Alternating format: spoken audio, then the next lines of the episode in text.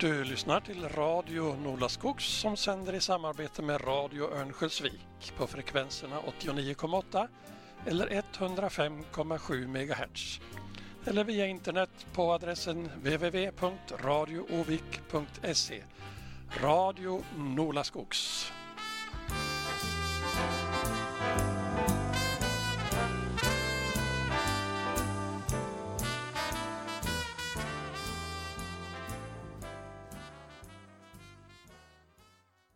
Välkomna till Radio Ola Skogs med Vårdpratarna. I dagens program får ni lyssna till delar av en inspelning med sjuksköterskan Sonja Forsman. Det var Lars Elving som i Radio Pingst gjorde intervjun med Sonja. Sonja Eidevall finns i studion och kommer att ge minnesbilder av sin namne. Jag heter Elly Gunnarsson och överlämnar ordet till Sonja Seidevall. Tack för det. Jag heter Sonja Seidevall och jag har jobbat i många år tillsammans med Sonja Forsman. Jag är också legitimerad sjuksköterska och började min bana på röntgen i Örnsköldsvik i slutet av 60-talet och hamnade uppe på Vemerkliniken tillsammans med Sonja Forsman på 1977 noga räknat. Och eh, vi, Sonja var ju då en av de lysande stjärnorna kan man säga uppe på VMR-kliniken. Hon var avdelningsföreståndare för på den tiden fyra vårdavdelningar med 24 vårdplatser på varje avdelning. Hon hade sin lilla sparkcykel som hon körde runt på med en väldans fart och skötte både personal och andra saker. Och Eh, vi jobbade väldigt nära varandra. Jag var ju så att säga administrativ chef där uppe så att vi tillsammans planerade semestrar för personal. Vi planerade underhållning för patienter och eh, överhuvudtaget såg till att hela den där verksamheten kom flöt helt enkelt. Nu kommer vi att lyssna till den här intervjun med Sonja Forsman som är gjord av Lars Elving i Radio Pingst. Och före vi eh, lyssnar så eh, får vi höra gammal fäbodsalm utav Lindberg.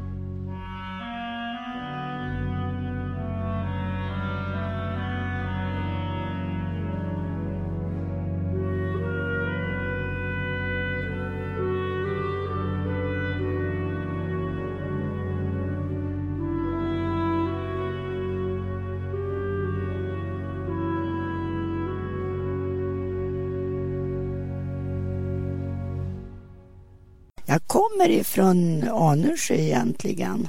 Jag flyttade ju till stan då, men då hade jag en kamrat som jobbade på sjukhuset. Hon hade inte varit där så hemskt länge, men hon trivdes väldigt bra.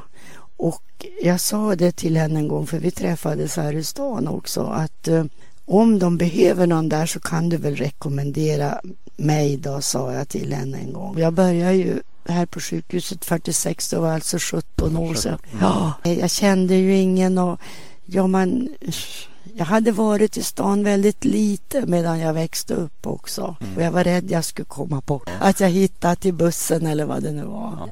Ja. Jag bodde väl, de hade väl något uthyrningsrum kanske om man, jag hjälpte till hos någon och sådär. Jo, då var det den här kamraten som jag frågade då. Och mycket riktigt så gick det till så att bara efter någon eh, kort tid så ringde hon till mig och sa att att de behövde en på sjukhuset. För det var ju inte så på den tiden vad jag minns att det var någon annons i någon tidning att man behövde ett biträde. Eller, det var väl andra tjänstemän kanske som man bestämde sig för på det sättet. Men jag minns inte att jag läste Allehanda ens. Jag, har ingen minne av det. Och då skulle jag få, få träffa den här chefen på husmor, alltså på sjukhuset, en viss dag för att hon ville träffa mig för hon hade sagt att hon kände en flicka som kanske kunde få börja då. Var administratör i den. Hon hade väldigt många arbetsuppgifter och det där arbetet det visade sig vara ett biträde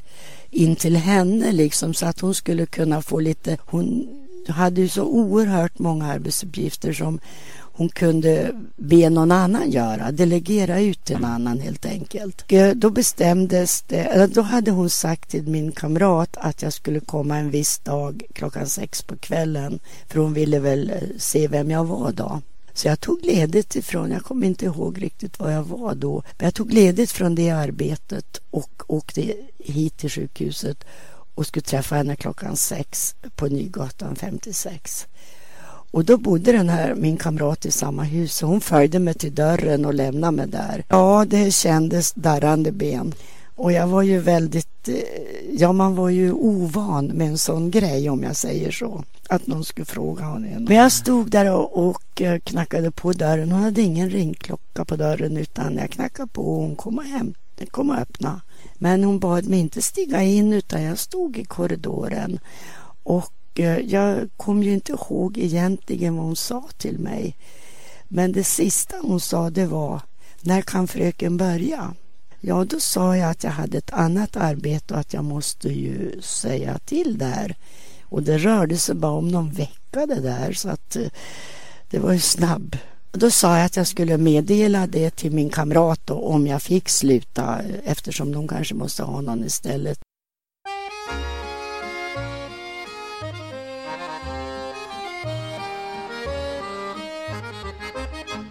Gamla Nordsjön som svallar och brusar under vindarnas växlande gång. Sedan urminnes tider oss tjusar din betagande rytmiska sång.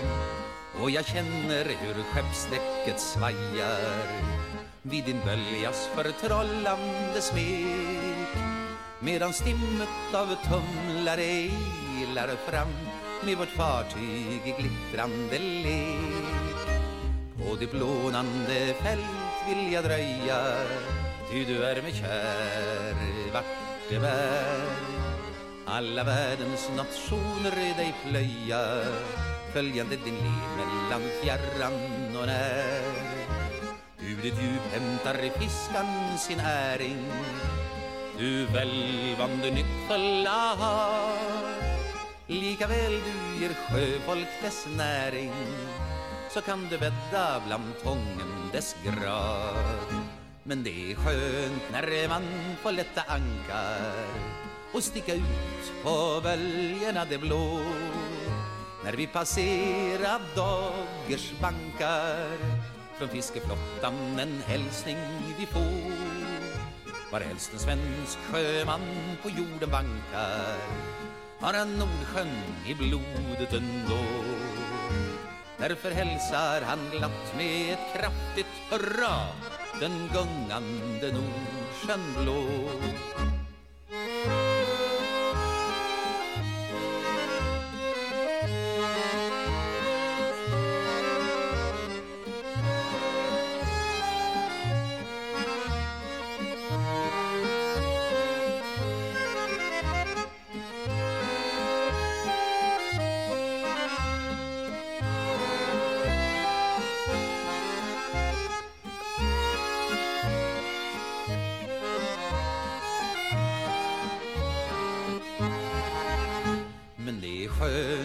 Man på lätta ankar och sticka ut på böljorna det blå När vi passerar dagers bankar från fiskeflottan en hälsning vi får.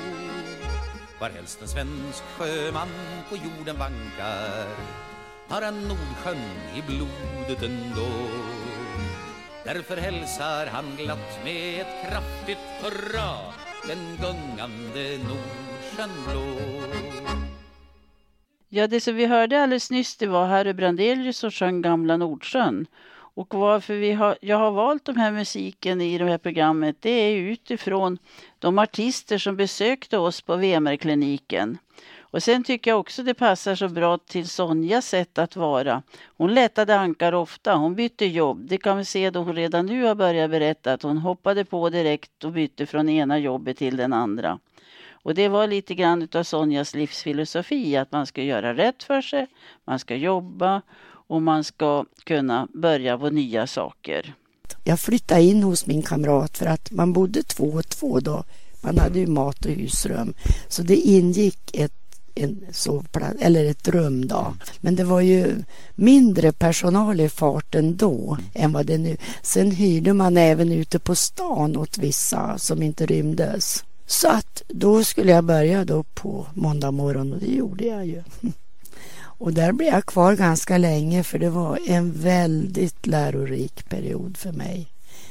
Eh, hon hade ju jättemycket uppgifter med eh, personalfrågor naturligtvis. Hon hade ju både sjukhuset och gamla med alla avdelningar och mottagningar och all personal där. Och sen hade hon ju både infektionskliniken som kallas för epidemin på det stället på den tiden. Och sen hade hon sanatoriet, numera, nu är det ju psyke där. Ja, jag fick ingen eh, uppgift om någon, alltså man fick ju ingen introduktion på den tiden. Utan jag, det jag hade glömt också när jag var där, det var att fråga vilken tid jag skulle börja. Eh, men då sa min kamrat, du kan ju gå dit sju. Men hon kom inte för åtta, men jag satt och väntade till dess. Och det gjorde ju ingenting. Och då var det inte heller någon inter, introduktion vad jag skulle arbeta med. Utan jag skulle vara i hennes, om, om hon behövde hjälp med någonting då. Och då var, då var jag ungen och ja, städning kunde jag ju få ha. När jag kom igång då så skulle jag städa en trapp innan hon kom på morgonen. På, det var som en baktrapp man kunde gå in till avdelningarna från olika håll. Eh, men det visste jag ju inte då. Hon skötte om apotek. Det fanns ingen, eh, inget eget fristående utan det hade hon på mm. sina. En liten expedition och det rummet det var ena sidan var fylld med långa bruna skåp och där inne förvarades medicinen. Och eh, då hade avdelningarna lämnat ner små rekvis eller rekvisitioner då tills på morgonen då hon skulle börja åtta. Och då plockade hon i de här rekvisitionerna vad de skulle ha för någonting. Och så småningom så fick jag ju hjälpa till att plocka fram också det som de skulle ha. Men hon kontrollerade ju alltid vad jag gjorde. Ja, om det var slut då skrev hon en, sparade hon den där burken eller skrev någon anteckning att nu behöver jag en, ja, ja, det var ju olika värktabletter, det var väl sprut, det var, jag förstod ju mig inte på sånt där. Men hon skrev upp det och så var det den som var chef på medicin har jag för mig, den överläkaren som kom in till henne varje morgon och beställde hem ifrån apoteket det hon skulle ha. Och den rekvisitionen hämtade en vaktmästare i en speciellt väska och for ner på stan med det där. Och det var nog dagligen, utom lördag. För då var hon nog ledig tror jag. Och söndag förstås. Och sen på eftermiddagen så for han på cykel ner till stan och hämtade den där och lämnade till henne och då, då fick hon ju, om det hade fattats någon sak, då eh, fick de ju det på eftermiddagen då. Då ställde hon bara ut det utanför sin expedition var det som en slags garderob som var omgjord med hyllor och där stod det avdelning den och den och där ställdes det där och så hämtade personal eller sjuksköterskan det. det var, jag hörde aldrig att det var någon som hade tappat någonting. Mm. Var det däremot saker som Ja, typ narkotika. Jag förstod mig väl inte på sånt men hon skötte ju om då och talade om att det här får fröken gå till syster den och den med. Då var det väl något speciellt viktigt medel då som man inte mm. fick lämna ifrån sig. Det var ingen som hade tappat någonting eller vad jag hörde. Och um, hon hade alltid arbetsuppgifter åt mig. Jag fick ju, det var ju så också att många utav de som jobbade där det var ju mest sjukvårdsbiträden. Ingen hade ju utbildning då. De bodde i 56an till exempel bodde ju en del. Men då hyrde även sjukhuset till personal lite ute på stan. Så på Storgatan fanns någon i Lövkvistska huset, har jag mm. för mig. Och lite längre ner. Och så om det var någon på avdelningen sjuk, till exempel en, en av flickorna då, som låg hemma och det var ju inte var mans egendom med telefon på den tiden. Då hade man rättighet att få mat då man var sjukskriven. Och de kunde ju inte gå och äta ibland i matsalen. Så då fick Fred, då sa hon till mig att jag skulle hämta mat. Då fanns det speciella kantiner som var som en liten korg. Då fick man säga till att nu ska jag gå till den och den idag. Då fick jag fara dit med den där maten. Det var ju skänk. Och då var hon så hemskt klok den här husmorsan. När jag gick då sa hon så här. Då kan fröken eh, fråga hur hon mår om hon kommer imorgon. Så att, för hon hade ju ingen telefon mm. kanske den här personen. Och var det då så att hon var sjuk i flera dagar då fick jag ju gå dit alla dagar. Det kunde vara två som var sjuka också. Men det var inte ofta som det var någon sjuk, vad jag minns i alla fall. Ja, ja då använde hon ju med, jag hade, hon hade ju inte arbetsuppgifter, hon skötte ju om alla förråd och sådana där saker och linnerummet och det där. Men men det räckte ju inte hela dagarna så jag fick ju städa och trappor och putsa fönster och, och jag fick hjälpa till. Om det var till exempel ett biträde sjukt på en avdelning då hade hon ingen pool anställda människor utan de som var där de fanns, sen fanns inga fler. Och vart då Anna sjuk till exempel på en avdelning då fick fröken gå dit. Ja, det var ju hemskt jobbigt ifrån början för jag hade ju aldrig varit in på ett sjukhus. Jag hade ju aldrig legat inne, jag hade aldrig varit till någon. Och det var jättejobbigt. Men jag lärde mig nog så oerhört mycket. Mm. För att alla visste ju att jag inte kunde någonting. Det skulle jag tro att de såg ganska snart. Men det som var positivt det var ju att jag fick smygas in i det där livet och sen blev jag ju bekant med alla människor på ett naturligt sätt. När man hör Sonja berätta om hur det fungerar med administration och hur husmor ensam skötte om det mesta och hade Sonja som sin assistent som i princip kommer från Arnösjö ner till sjukhuset i Övik och blir som en liten assistent åt husmor så är det ju en vild, världsvid skillnad på hur det fungerar idag. Men det som är skillnaden är ju naturligtvis, det fanns inget pappersarbete på den tiden. Man jobbade handfast. Och då tänkte jag att vi här skulle spela en sång, musikstycke av Monica Zetterlund som heter eh, den heter så mycket som Svartvit Calypso. Och den på något sätt talar om vad människorna springer omkring.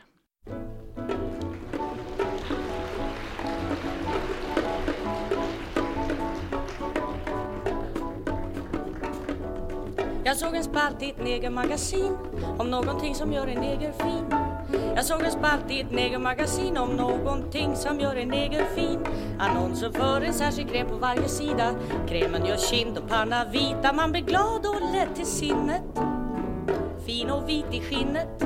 Men i vita blaskor som jag ser varenda dag finns annonser av ett annat slag. Man kan tro att de vita har velat skoja. Men de vill bli svarta med sololja. Människor springer hit och dit. Och jag undrar vart. För han som är svart han önskar bli vit och en vit gubbe önskar bli svart.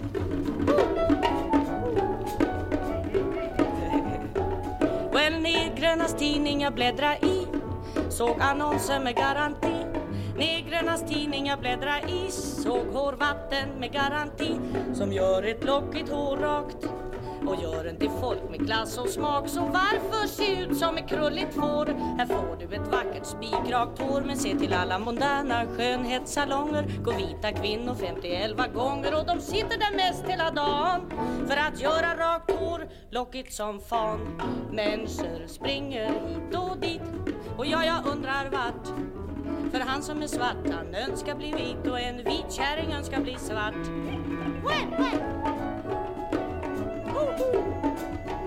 Och en flicka i Afrika hon sa till mig Åh missis du vara magerlagd tjej. Flickan i Afrika hon sa till mig Missis du vara magerlagd tjej. Jag ser på mig för jag var mager förr. Nu fastnar jag i min egen dörr. Nu hoppas jag ni vet det. Svarta män älskar er om ni är fet men längre norrut brukar kvinnor all sin kraft på att äta sallad och morotssaft. Ja, de lever på blommor och blader. Undra på att folk får spader. Jesus, människor springer hit och dit och jag undrar vart. För hon som är svart, hon önskar bli vit och en vit kärring önskar bli svart. Well now, Det är ett rysligt slöseri med denna väldiga energi. Det är ett rysligt slöseri med denna väldiga energi. Om de svarta har överflöd på pigment och de vita har för lite sortiment. Köp inte krämårets alla dagar, ni som vill ändra färg på era magar. Det enda helt kloka är att handla. Gifter med en neger och älska varandra. Och han ger dig lite granna svart utav sitt och du ger honom lite granna vitt. Människor springer hit och dit och nu så vet jag vart. För hon som är svart hon går till en vit och en vit kvinna går till en svart. But of course.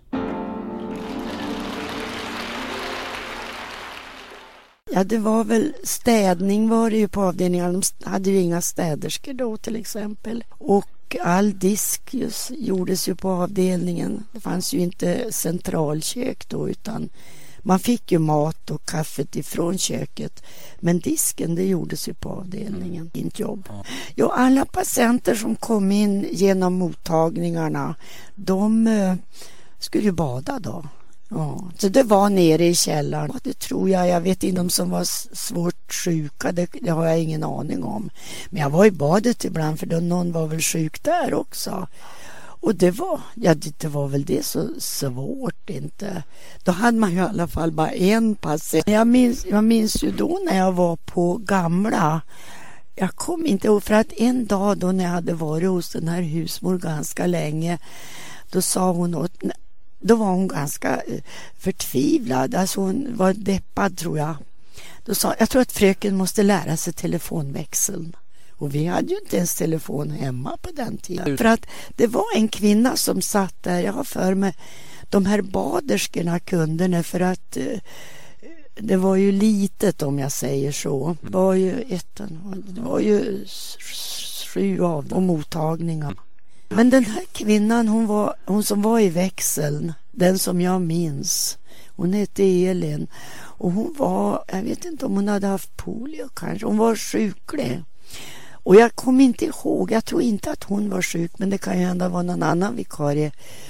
Men, tänka, hur? men jag fick ju jag fick ju göra det. Jag kunde inte säga det vill jag inte. Det var ett ord som jag inte ville ta i mun. Utan jag, jag mer och mer kom ju in i det där spelet att jag kunde få Rätt vad det var så kunde jag ju få sitta extra vak och hos svårt sjuka patienter. Och var väl, jag var väl inte den som kunde så mycket men man kunde ju då fråga om man inte visste. Och, ja, det var väl så det gick till. Ja, det, när jag började 46 har jag för mig att de hade börjat lite smått med med lite gräva där och sådär. Mm. Det var ju helt annat. Det fanns ju inte engångs, det var väl inte uppfunnet då misstänker jag. Men hon var ju väldigt noggrann med det hon gjorde den här kvinnan och det var ju ingenting som var något negativt för mig heller. Ja, Ilma. Och när jag följde med henne i de här förråden och från början när hon lärde mig då hade de små rekvisitioner att då hade gått sönder till exempel en kaffekopp. Och det var inte bara att säga att jag skulle ha en ny kaffekopp utan jag bevisade med örat ifrån kaffekoppen att den hade gått sönder. Kastade hon ju bort den. Det var lika, det låg ju i korgen. Det var liksom det var instyrt hos alla. Det visste man ju om att kasta inte bort någonting för då får vi ingenting istället. Mm. Och vi som bodde inom sjukhuset då vi hade ju gratis sänglinne, alltså man fick byta efter en viss period. Två veckor eller vad det var. Då tog man ur sängen på morgonen när man gick den dagen och hade det här med sig i någon påse. Det var två lakan och ett örngott kanske och två handdukar. Och det tog hon emot åt själv och kolla upp det och då fick du det tillbaka. Hade det fattats en handduk så att en var ren det var ju nyttigt. Ja, ja, ja, det var hon egentligen, gamla husmor. Hon var ju lite till åldern så att den nya husmor skulle nog överta. Men hon sa det. Hon pratade inte så mycket privat med mig. Hon var alltid snäll. Men hon sa att jag tycker fröken ska lära sig till sjuksköterska. Och jag hade ju liksom kommit in i vården, eller jag kunde ju ingenting, inte så. Men jag tyckte, inte, jag tyckte att det var roligt. Vi hade alltid beundrat de som jobbar med vård. Så att jag sökte in då och kom in och började i Umeå. Och jag tyckte det var så synd när jag slutade för jag trivdes så jättebra med det där jobbet. Jag liksom, ja, jag kände en viss tillfredsställelse med det men jag tänkte det är nog bra också om jag kan försöka bli sjuksköterska och det blev jag ju. Och det var ju, det var ju också jätteroligt men ja, det vart ju, vi hade ett assistentår också så att man var ju tvungen liksom, eller tvungen, man skulle vara kvar ett år efter utbildningen. Så det var ju fyra år nästan då. Ja, jag gick utbildningen i Umeå och det var ju det var ju lika för alla. Vi var ju, jag tror vi var närmare 30 i min kurs. Och vi hade, det var ju ungefär samma som gällde för allihopa då. Vi bodde ju där de flesta. Det var dels föreläsningar och mm, teoretisk kurs och sen var det praktik som varvades då. Ja, fast en del en, en del placeringar gick man, för det var ju inte universitet där då. Innan jag for därifrån så hade tandläkarstudenterna börjat komma för husen fanns. Och de hade använts lite grann till några utställningar och sånt där som vi som sjuksköterskeelever också hade hjälpt till med har jag för mig. Sonja hon kunde berätta väldigt många historier om sin utbildningstid i Umeå. Och för oss andra som hade utbildats lite senare tyckte vi att det var ju en helt, helt annan värld som hon pratade om. Bland annat berättade hon att när, innan man gick lä ronden, läkarna, de hade ju storsalar på den tiden, sex stycken sängar i varje sal. Då tog man en dagstidning och så rullade man den på bredden och, och sen mätade man vid huvudändan och vid fotändan så att sängarna stod exakt rak innan läkarna kom och gick ronden. Och det tyckte ju vi då. Jag i min generation tyckte det var rena anodatsomal. Sen råkade jag ut för det där själv när jag var på vårdskolan en gång och skulle undervisa i arbetsledning och så var det någon av pojkarna som sa Men berätta lite hur det var då du gick på skolan. Ja, så vi hade en vakt som satt nere. Vi bodde ju på internat och vi fick ju släcka vid tio tiden och så. Då tittade han på mig med stora ögon och så sa han Mä, att ni gick med på det. Och då sa jag, det var inte ens en gång en tanke på att man inte skulle gå med på det. Och var lite grann av det Sonja berättade också. Man gjorde saker och sen funderade man på varför hämtar man vatten in i köket där det fanns en kran inne på salen? Jo, det hängde kvar ända sedan Florence Nightingales tid för det enda vattnet på den avdelningen som var rent det var det som fanns i köket, inte på salen. Så att det var lite så. Den nästa melodi som vi ska, jag ska spela det är av Siw Malmkvist. Och det är nämligen så att Sonja Forsman var väldigt, väldigt lik Siw Malmkvist. Hon har ungefär samma storlek och lite burrigt hår och glad och pigg. Så den här låten är en hyllning till Sonja.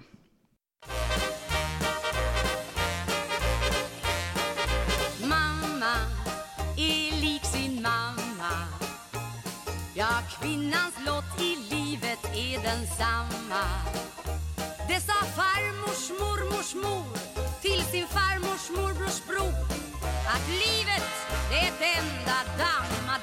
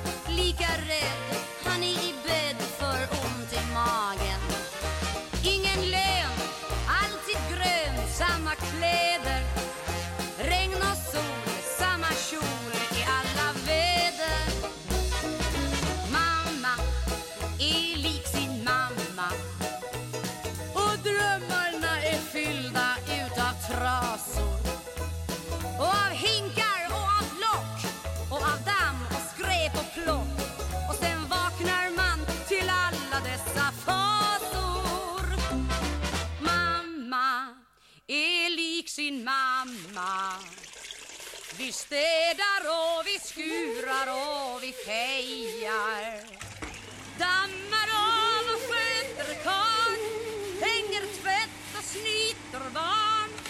Och skurar, dammar, städar, diskar, fejar.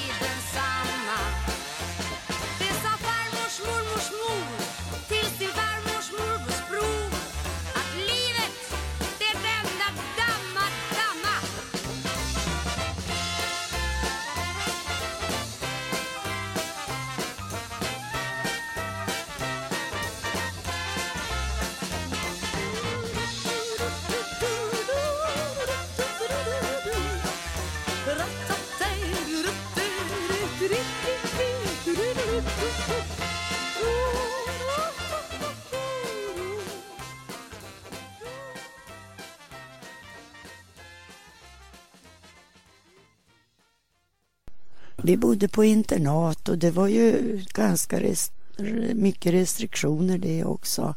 Och i alla hus jag bodde i under min utbildning, där bodde också en lärare. En gång bodde ju rektorn i huset. Mm. Och det, det var bra tror jag, för vi var ju ganska unga i alla fall. Jag var ju visserligen över 20 år, men man fick nog inte gå på det mesta. Man hade ju inte så mycket att göra, men vi for väl på Gamlia och dansa och mm. vi for och bada och vi jobbar ju ganska många helger också. Och en del månader var vi utan när vi läste men för det mesta hade vi betalt så att vi hade dåligt ställt allihopa.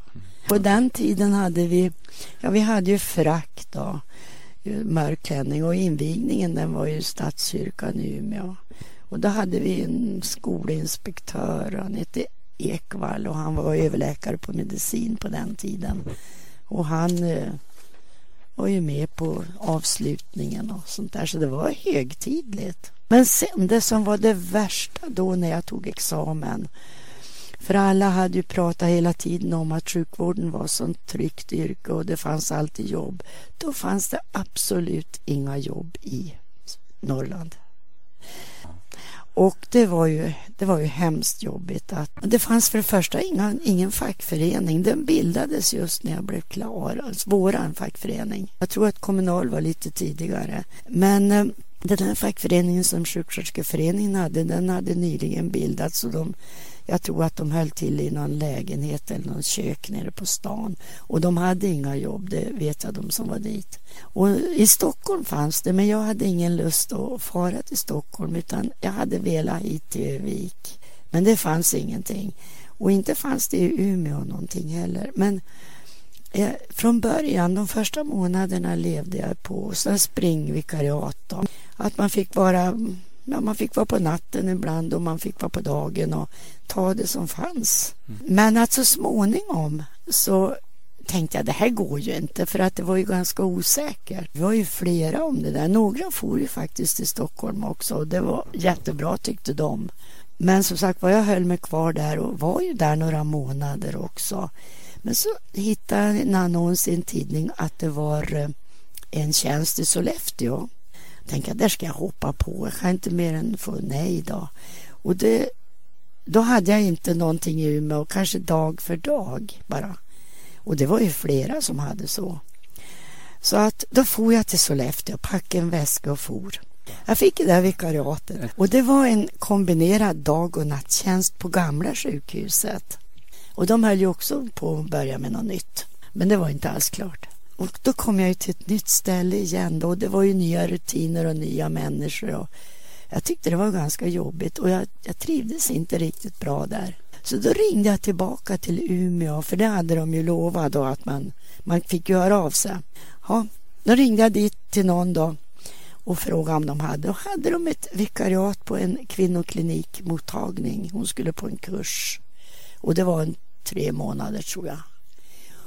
Och ville jag ha det så fick jag det. Jag packade bara väskan och sa till nu flyttar jag tillbaka till Umeå. Det gjorde jag. Men eh, var jag tillbaks och var där.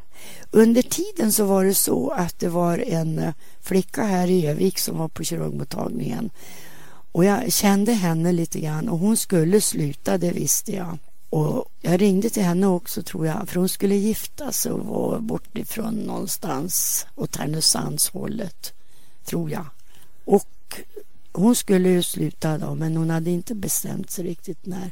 Men hur det var så hade hon slutat och annonsen var nog i tidningen, sjukskötersketidningen då alltså. Då kom den här, när jag hade nästan gjort klart det här tre månaders vikariatet, då skulle jag nog söka den där. Och jag fick ju den tjänsten här i Övik då också. I tjänst mm. efter den där flickan som gifte sig.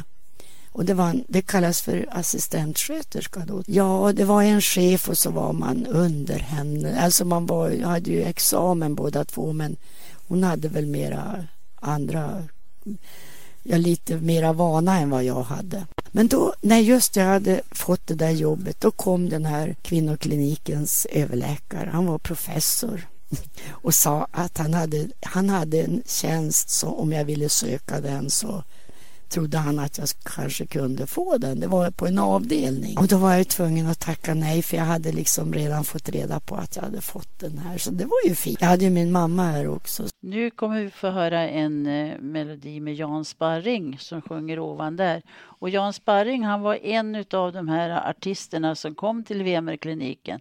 Det var så att en gång i månaden ungefär så hade vi underhållning på tre trappor som man sa på VMR-kliniken. Och då drog man upp patienterna som bodde, eller de som bodde helt enkelt där, dit upp och så fick man se en timmes underhållning och det var högklassig underhållning på den tiden för det var de här artisterna som kom. Harry Brandelius, Jokkmokks-Jokke, Sparring och många, många fler. Så att eh, då kan vi höra på just Jan Sparring när han sjunger ovan där.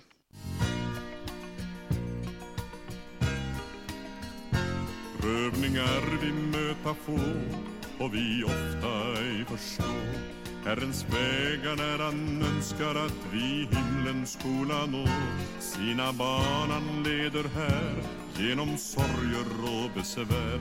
Vi förstå hans vägar bättre ovan där.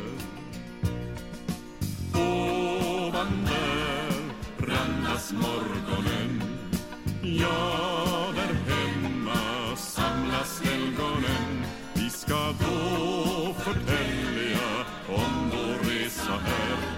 förstå hans vägar bättre ovan där vi känna brist och nöd Sakna ofta hjälp och stöd. Trötta anden hungrar törstar Under ökenfärden här. Men vi tror på Herren Gud Litar helt på hans bud. Vi förstår hans vägar bättre ovan där Ovan där randas morgonen.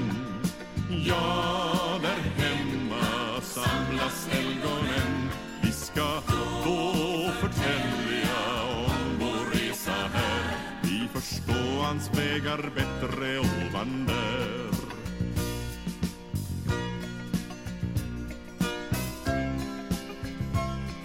Han lägger ut försåt snaror på vår levnadsstråt Hjärtat gråter för vart fåfängt ord och tanklös gärning här.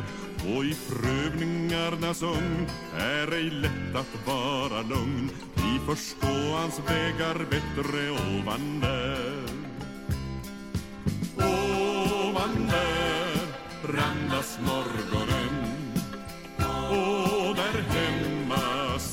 glasögonen Vi ska då förtälja om vår resa här. Vi förstå hans vägar bättre ovan där Ovan där randas morgonen. Och där hemma samlas helgonen. Vi ska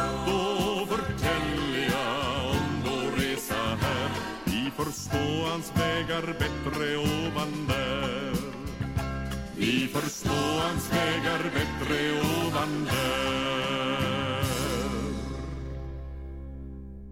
Så att då flyttade jag hit då på kirurgen och det var väl 56 då. Alla sa ju syster.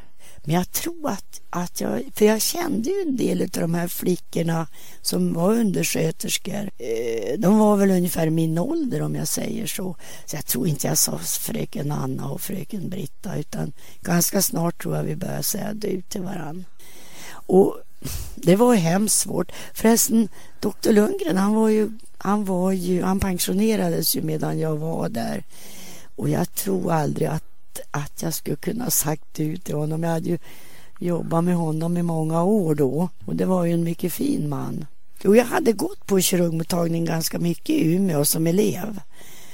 Så att jag hade ju liksom det i utbildningen, det elementäraste i alla fall. Mm. Jag hade ju ingen vana med någonting. För de här utbildningarna, eller de här bitarna i utbildningen, de var ju några månader, ett halvår på sin höjd. Och så hade jag nog varit där lite efter examen. Men det var ju liksom nytt ställe om jag säger så. Mm. Men det var ju en chef där då. Hon var ett år kvar där. Den här, jag var ju assistent då. Assistentsjuksköterska kallas det. Och hon var ju avdelningssköterska. Och det var en mycket fin person. Och hon stannade bara ett år för att hon skulle utomlands som någon missionär. Men det blev aldrig av för henne för att eh, hennes mor var sjuk och ja, det var väl olika saker kanske gjorde där. Men hon blev kvar men slutade i alla fall på den där tjänsten. Och då sökte jag den då efter ett år. Och det var väl ungefär samma jobb kanske, men lite mer betalt kanske det var. Men eh, det var ju lite mer i framkanten då. Och då fick jag den. Ja. Mm. Och där blev jag ju kvar några år och jag trivdes ju väldigt bra med det arbetet. Det är klart, det var ju jobbigt ibland. Drunkningar och olyckor och ja. Men eh, sen var de var ju få läkare. Jag har för mig det var ju Lundgren då så var det väl det var väl fyra underläkare tror jag och vi hade ju ingen utbildning av läkare då. Nu har de ju i alla fall en del kandidater eller underläkare. Mm. Och de är väl flera också men det har ju blivit mer, mer att göra också om jag säger så. Och det invigdes 49 och jag kom 56. Ja. ja. Men att ja, vi hade så oerhört mycket patienter för att de här läkarstationerna var ju inte uppbyggda då. På, det fanns ju distriktsläkare men eh, och det var ju Kale i stan, tror jag då. Mm. Ja. Och han hade ju jättemycket folk och det är klart, de remitterar ju då upp sina. Så att vi hade ju väntelista och vi hade ju överbeläggningar och vi hade ju mycket att göra. Fruktansvärt mycket att göra. Flera i alla fall. Men vi hade, som de har idag, har de väl en speciell som är jour på dagen bara. Vi hade inte så, för de var ju så oerhört få. Utan de här doktorerna då, fyra underläkare om det var det. Det var en som var biträdande överläkare och så var det Lundgren. Och så var det tre underläkare. Och de, de hade ju ronder eller operationer på förmiddagen. Och alla deras patienter kom ju vissa dagar då. Men de kunde ju få vänta hur länge som helst därför att de var ju upptagna med andra saker. De fick ju vänta ju med underläkarnas mottagningar kanske 11 eller 10, jag kommer inte ihåg det. Och eh, då satt de ju där då i sina i väntrummet och, skulle de, och så sen var det ju inte man fick ju alltid betala för sig på den tiden så då skulle de ju in och betala. För att var det bara ett sår som lades om då kunde ju de säga, det gjorde ju de flesta, kom tillbaka om en vecka för att titta på det, då gör vi klart alltihop liksom med betalningen. Det var väl mindre trafikolyckor då kanske i alla fall. Lite grann, fast det var ju. Och ambulansen, han... Eh, jag minns då när, när jag var biträde. Det var ju på 40-talet. Då var ambulansen, det var ju Eklund. Han hade ambulansen i 56ans, alltså det, i huset där jag bodde, hade, stod den på natten. Så att han var ju inte ute varje natt, inte. nu kan det nog vara mer. Då hämtade han ju den först där under, på ut baksidan av 56an mm. och for iväg. Fast jag, min, jag minns ju inte liksom hur, om han köt någon gång eller Mm. hade ju mycket trevligt inbördes på avdelningarna. Det var ju inte tu tal om det. Inte, inte för att vi var tillsammans, men vi hade ju kafferaster och ja, och då, ja, och sen var ju läkarna drack väl kaffe ibland någon gång och de ibland hade någon kanske någonting med sig och bjöd på så drack ju alla då. Men det är klart och det var ingen, jag vet inte att jag led någonting av det, att det var att jag skulle säga doktorn till dem, för det var ju så invant från när jag gick elev. Så att det, det hörde nog bara till. Jag var kvar där då, då, då var det en, en eh, distrikts, eh, det var en distriktsläkartjänst läkartjänst i i ett bredben som en av läkarna skulle börja på. Han hade varit på kirurgen i många år och började bli äldre. Och då följde jag med honom dit. Och vi flyttade dit hela familjen och det var också väldigt... Ja.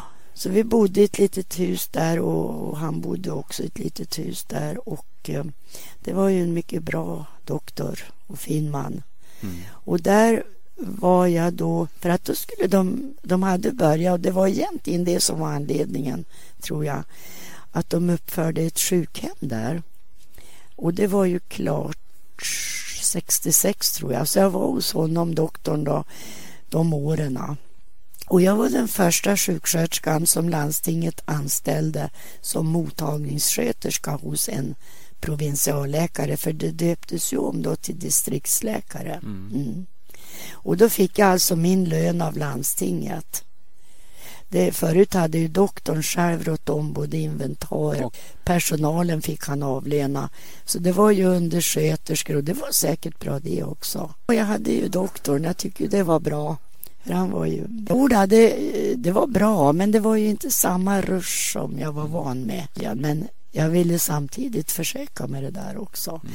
Men då byggde de det där sjukhemmet Och då, eh, det hade ju varit på tal tidigare också att jag skulle söka det jobbet och det gjorde jag på sjukhemmet, på som föreståndare där. Så att eh, i god tid så hoppade jag av det här med distriktsläkeriet. Ja, men jag, jag tänkte jag skulle pröva på jag liksom bodde där.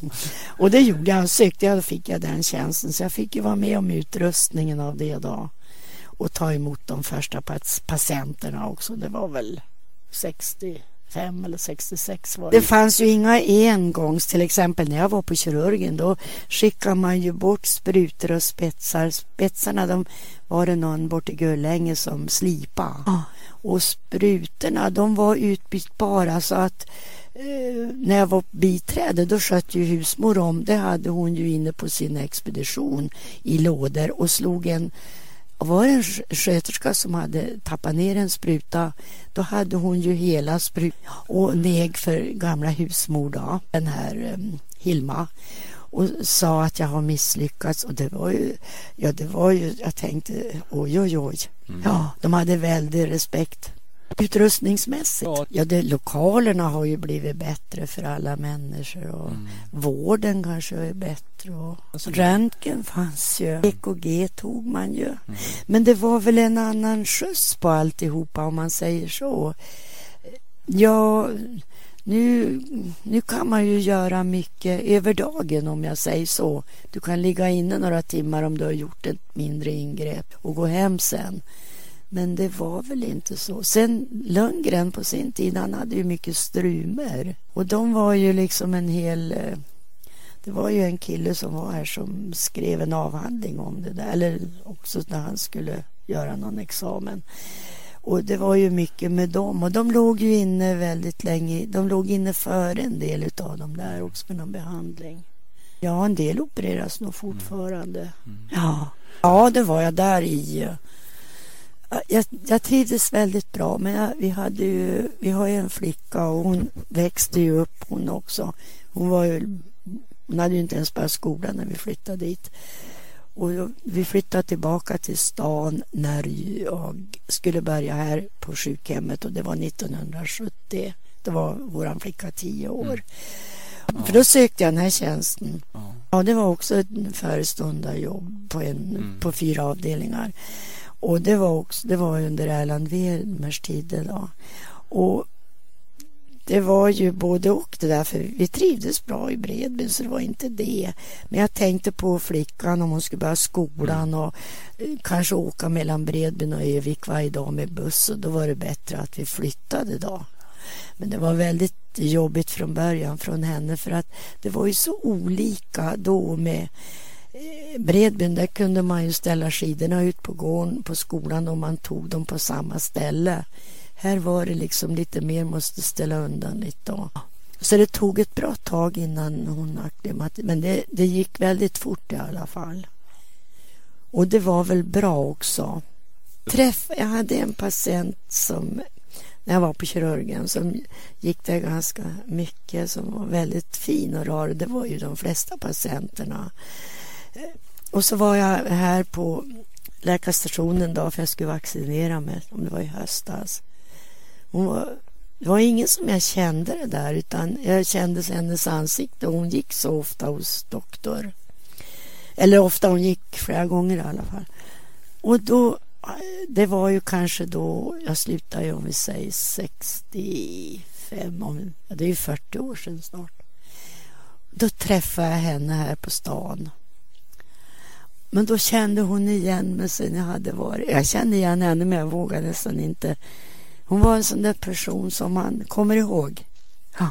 Och då, men är det inte syster, sa hon. Ja. Och så hade hon sin man med sig och så presenterade hon mig för honom. Jag tyckte det var så roligt. Hon var så, så lik. Och det, annars så kommer jag inte ihåg. Många kommer ihåg mig kanske. Mm. Ja. Men jag, visst känner jag igen det har jag haft, säger de. Och det du skötte om mig då. Det var det. Och Arnersborna var ju väldigt eh, lättsamma igen. Ja, det blir liksom... Ja, många kände man ju där. Men man måste ju behålla professionen i alla fall på något sätt. Det var fantastiska år på VMR-kliniken och det hände mycket. Och de år jag jobbade själv, det var ett spann från 77 till 91 när eh, äldrevården övergick till kommunal regi.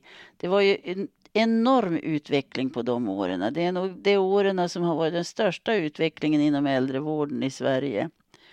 Och eh, Sonja var ju kvar större delen av den där tiden så hon såg ju. Man tänker på när man hör henne berätta om sin skolgång då hon gick sin sköterskeutbildning och allt det hon har varit med om så var det en otrolig skillnad och man förstår ju att det var mycket, mycket som man hade, hon hade lärt sig under alla dessa år.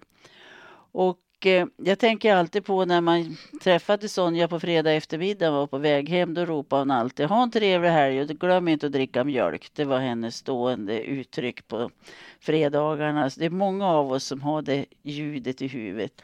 Så vill jag avsluta med att spela Jokkmokks-Jokke. För när Jokkmokks-Jokke kom till Vemerkliniken i sin lappkolt och med silversmycken och dundrade in, kan jag väl använda uttrycket för. Då var det fest och jubel och det var lite så som det var på Vemerkliniken. Det mesta var fest och jubel och vi försökte ha så trevligt som möjligt och skapa så bra, bra både arbetsplats och bra omvårdnad för de som bodde där. Så då kommer Jokkmokks-Jocke och sjunger Kullegullan, den mest kända som han har gjort. När vårsolen lyckligt nu lyser Det brinner i hjärta och spis. En huggare är jag som myser Precis som min katt och min gris. Jag sitter här ensam och snusar och läser en äktenskapsspalt Det orden mig redan berusar. Jag tror att hon renar mitt allt. Gulligullan koko som en gök Jag bjuder dig två rum och kök. Kom älskling och gör ett försök i mina två rum och kök. Hon skriver om allt vad hon är äger Om dygder finns många besked. Blott 50 kilo hon väger Hon måste nog matas med sked. Hon trivs med att stöka vid spisen Men ej vill ha make med snus. För kyssar jag offrar väl prisen När lyckan drar in i mitt hus. Gullegullan koko som en gök. Jag bjuder dig två rum och kök. Kom älskling och gör ett försök. I mina två rum och kök. Men först ska vi kila till prästen och skaffa en kärlekslicens. Sen klarar vi själva av resten. Och än ska vi ska utan gräns. Jag svårt har att hålla kontrollen på känslorna mina idag. Men stannar vid klänningshållen i längtan till hennes behag.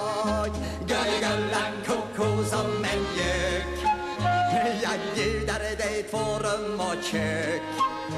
Kom älskling och gör ett försök i mina två rum och kök. Nu timmer jag dubbelt skall hugga Mopeden skall bytas mot bil. En dubbelsäng ska jag beställa Det gäller att lägga om stil. Jag tänk att få härliga rätter Som smakar av kärlek och smör. Får tjusa i månljusa nätter och därtill små tillbehör. Gulligullan koko som en gök. Jag bjuder dig två rum och kök. Kom älskling och gör ett försök i mina två rum och kök. Tack ni som har lyssnat till Vårdpratarna, Sonja om Sonja. Idag med delar av en uppspelning av en intervju med Sonja Forsman. Och det var Lars Elving som hade gjort intervjun i Radio Pingst. Den andra Sonja var Sonja Seidevall.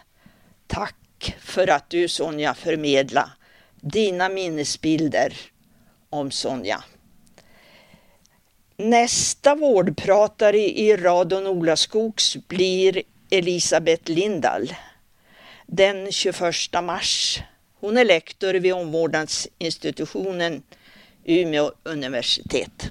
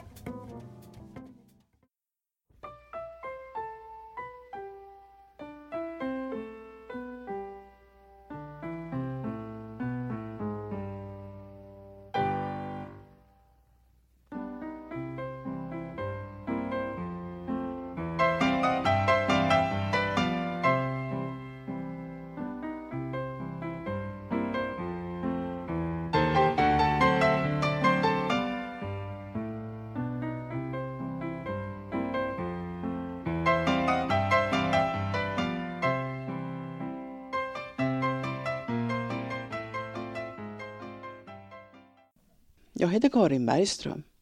Jag har tänkt läsa en novell av Olle Norell. Vem är då Olle Norell? Jo, han är född av ångermanländska föräldrar i Norrköping 1923. Han kom som femåring till Själevad där hans pappa fick arbete. Och så småningom utbildade han sig till journalist. Han är väl mest känd som Mr Aktuellt i TV.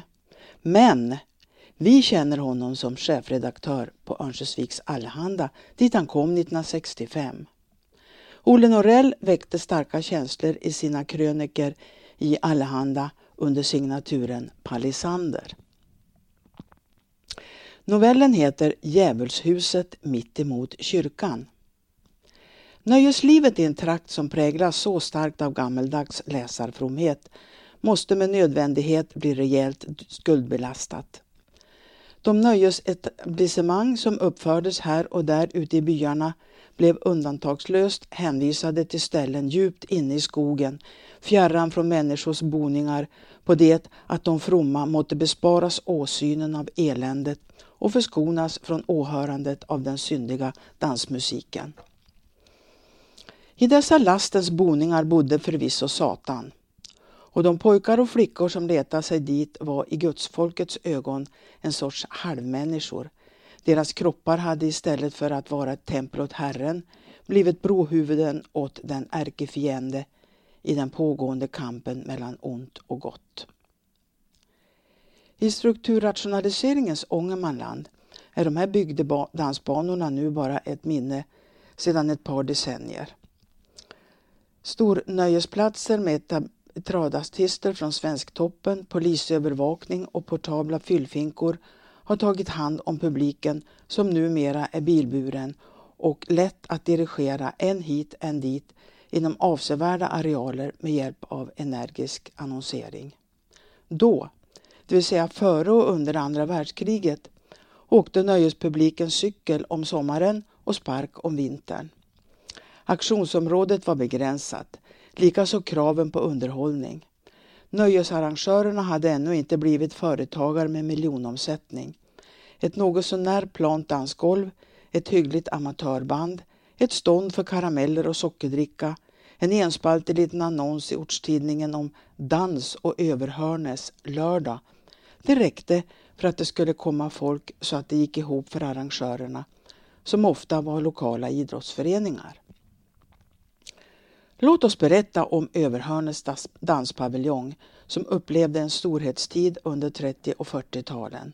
Det skrivs ju så mycket om nostalgiskt om gamla lador och vattenhjul, om räddningsvärda innerstadshus med kakelugnscharm. Men så vitt vi har funnit har det aldrig nedtecknats några besinningsfulla minnesord över en gammal dansbana som tjänat ut. Idag är danspaviljongen i Överhörnes en ruin vars brustna fönsterögon är vända mot ungskogen som tränger på från alla håll. Men då.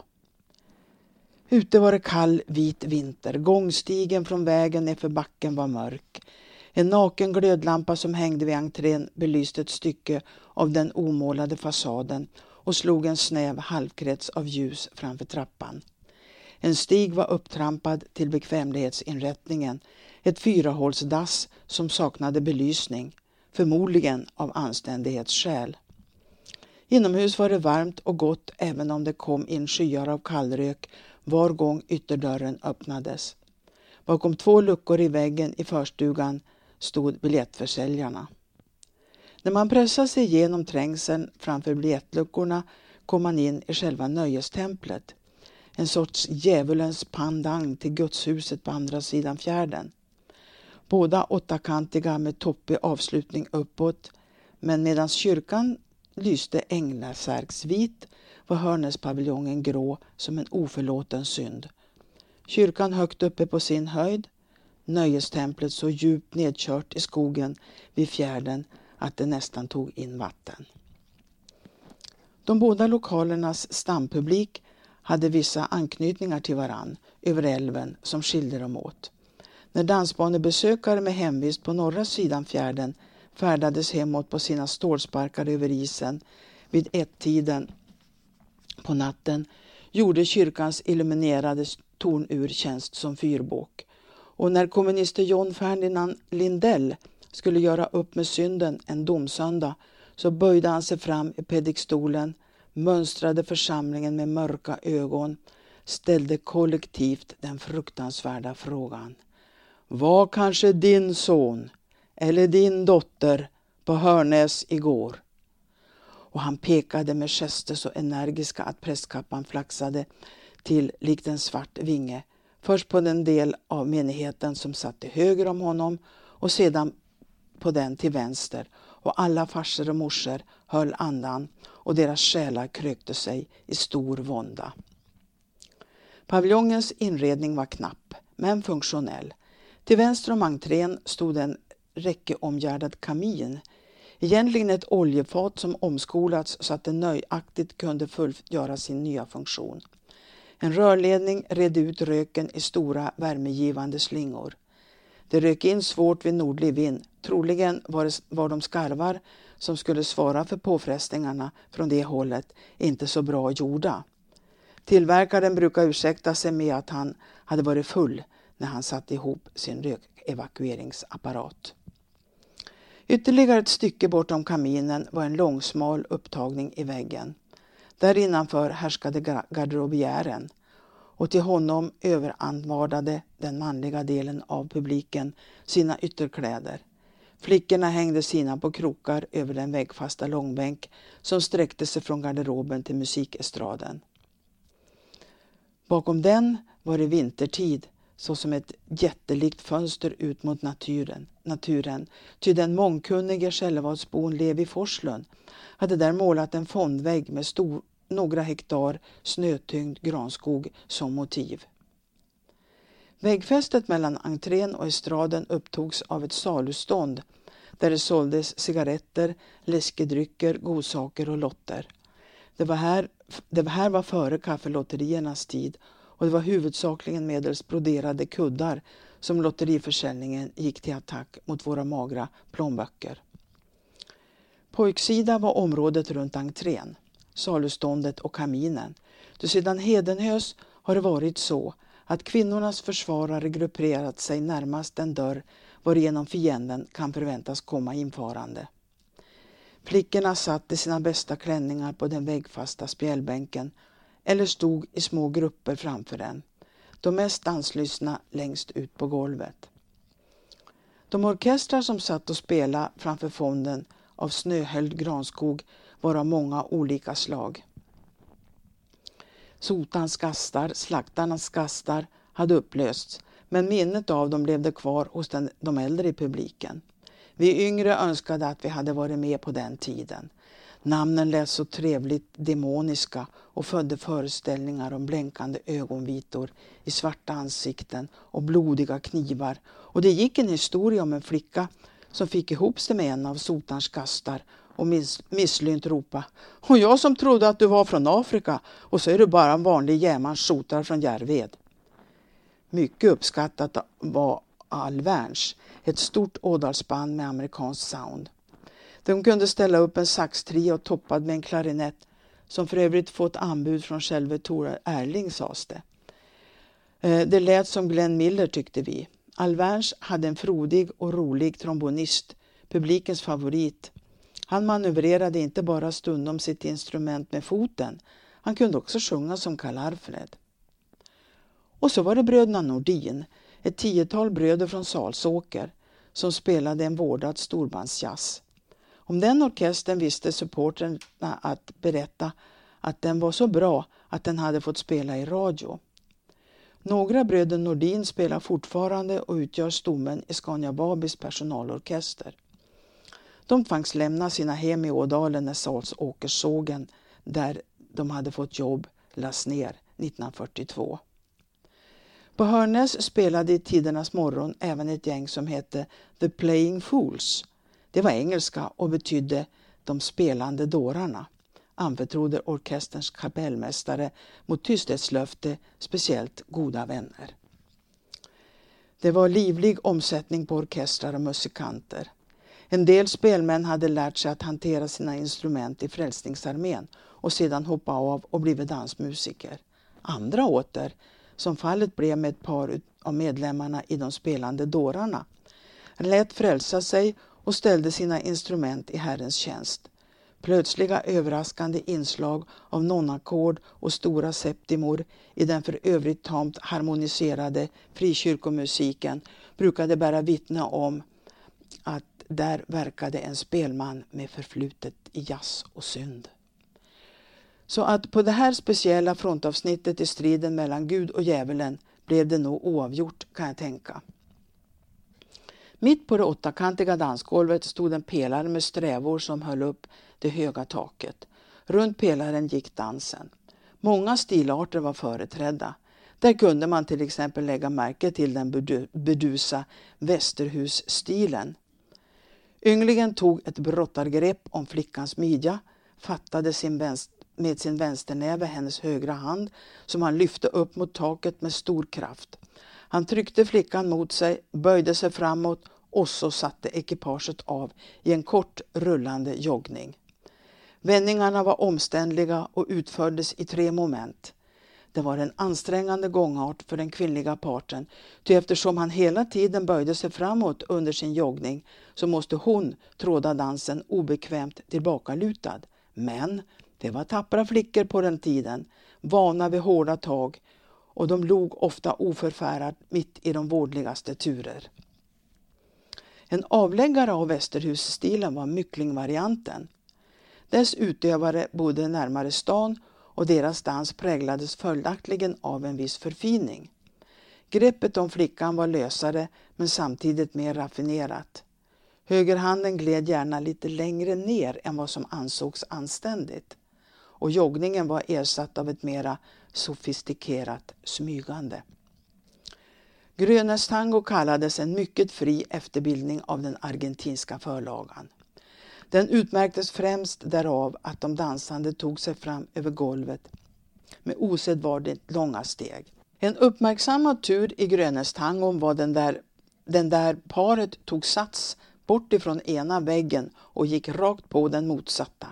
Därvid knyckande de, knyckte de dansande växelvis åt höger och vänster, alltid snett från moatjén, och dansade inte med benen tillsammans som brukligt är, utan spatserade så att säga bredvid varann. Billa vals var en mycket trånande version av den långsamma valsen som kallas för stilla vals i dessa bygder. Jag lärde mig aldrig att behärska Billa-varianten trots ivriga försök. Att dansa stilla vals var svårt nog bara det. Det släpiga tempot tvingar till långsamma rörelser och eftersom den naturliga valssvingen måste undertryckas blir aktionen lätt ansträngd. I Billavalsen dansade man bara varannan takt. Det vill säga, man rörde sig dubbelt så släpigt som tempot angav. Den som kunde dansa vals så fruktansvärt långsamt hade på något vis sin flicka mera för sig själv än annars, ansågs det. Men att dansa billavals var svårt och få blev mästare. Konversationen på dansgolvet var sparsam men vänlig. Många flickor luktade lagård. Det ansågs inte riktigt fina av medsystrar som svepte sig i doftslöjor av Silver Moon och 4711. Kavaljererna besvärades mera sällan av sådana fördomar. Det brukar talas om arbetsplatsens betydelse i frågan om att sammanföra de som sedan blir man och hustru. Fackföreningsrörelsen, nykterhetsrörelsen och flera andra organisationer tillskrivs också stor äktenskapsförmedlande förmåga. Dansbanans betydelse i det här sammanhanget har sällan berörts. Vad Överhörnens danspaviljong anbelangar så vet jag bestämt att det är många äkta par som har den att tacka för lyckan att de fann varann. Och helt visst blev de äktenskap som fick sin upprinnelse där lika välartade som där kontrahenterna fick kontakt med varann på ett mera seriöst plan. Idag är Hörnäs en ruin. Planen framför ingången har över, övrats av skogen. Byggnadens gråhet är nästan svart. Fönstren är borta, dansgolvet går i vågor. Estraden är riven och Levi Forslunds vinterlandskap ligger i trasor. Dörren där det står reservutgång över svänger i vinden. Genom dörrspringan tittar en Algren in. Garderoben har störtat samman, kaminen och dess rökgång finns inte mer. Det regnar in genom hålet i taket. I biljettförsäljarens lilla kur finner vi ett gulnat fragment av Örnsköldsviksposten nedlagd ungefär samtidigt. Olle Norell har sjungit in en visa om den här gamla dansbanan och på baksidan utav skivkonvolutet kan man läsa vad han har skrivit. Vid inspelningen av ett tv-program om en gammal dansbana i Örnsköldsvikstrakten plockades en av de gamla visorna fram. Den beskriver nämligen en lantlig kärlekshistoria där Överhörnes danspaviljong består miljön, promenaden över Fjärdens is med kyrkans tornud som riktmärke och det är belysande. Vi ska ta och lyssna på den här visan av Olle Norell och tack för mig. Det jag ska sjunga nu det handlar om en dräng som inte var så hemmastad i handgemäng. Jag menar såna där som brukar ge poäng med jäntor ut i aftonstunden.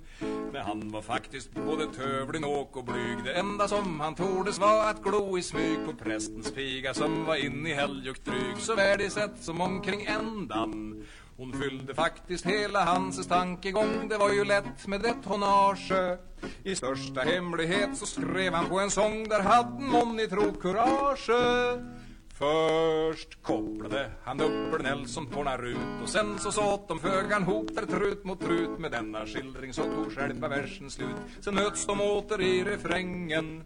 Där går de upp för kyrkogången hon och han och han har satt en guldring där på hennes hand. De går så uppsträckta och flin emot varann. Och sen så säger prästen vill du och Rut hon svarar genast, ja visst vill jag det Och så gör även Jonas drängen Sen står det inte på så värst för nummer tre För roligt ha den där i sängen.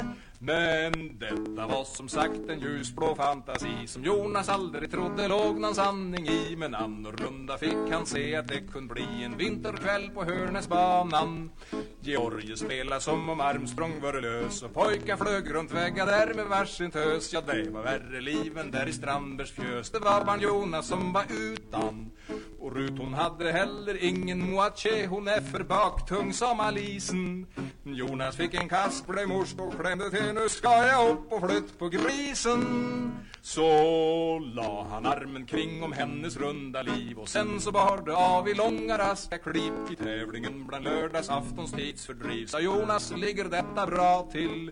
Ja, farten deras den var obeskrivligt hög. Det verkar nästan som om de var ute och flög. De snurr värre än den värsta slängkärtsdrög Jag blissar ut centrifugalen Musiken tog en paus och det vart ett strul förutom Jonas kunde inte bromsa.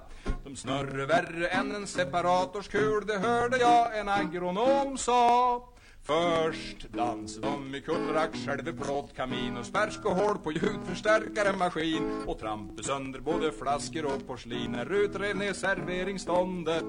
Ut i en fantomartad överskärda sväng jag aldrig förut hade varit ett sånt fläng. Det svor de på ut i Georgies spelmansgäng ja det var rätta skärda takten. Jonas kände sig nu både glad och matt och frågade sen med röda örer om han fick följa jänta hem i denna natt och röt sa jag jag dig tillhörer. Hem över Självadsfjärden gick de hand i hand och ingenting blev sagt förrän de nådde land och flimten Jonas fasten bara lite grann och pekade och sa där är kyrka. Och Rut hon var så snäll nu nicka och höll med. Hon Jonas han blev järr och sa det är ju det. Och efter en stund så satt hon ut i Hanses knä På bänken där i pressgårdsvarden här måste handlas tänkte Jonas på något vis. Nu fordras det att man har krafter. Och ladda bössa med en grov kalibrig pris och livad utav dessa safter. Så gifte han ihop ögon, sträckte fram sin mun och nappa fick med samma som på tabborgrund Ja, detta var en oförgätlig aftonstund Så Jonas rena dynamiten. Ja, pusserna i serier på flera kvart och natta var så ljuvligt härlig, lång och svart och än i denna dag så vet jag inte vart i helg och klunglövan tog vägen.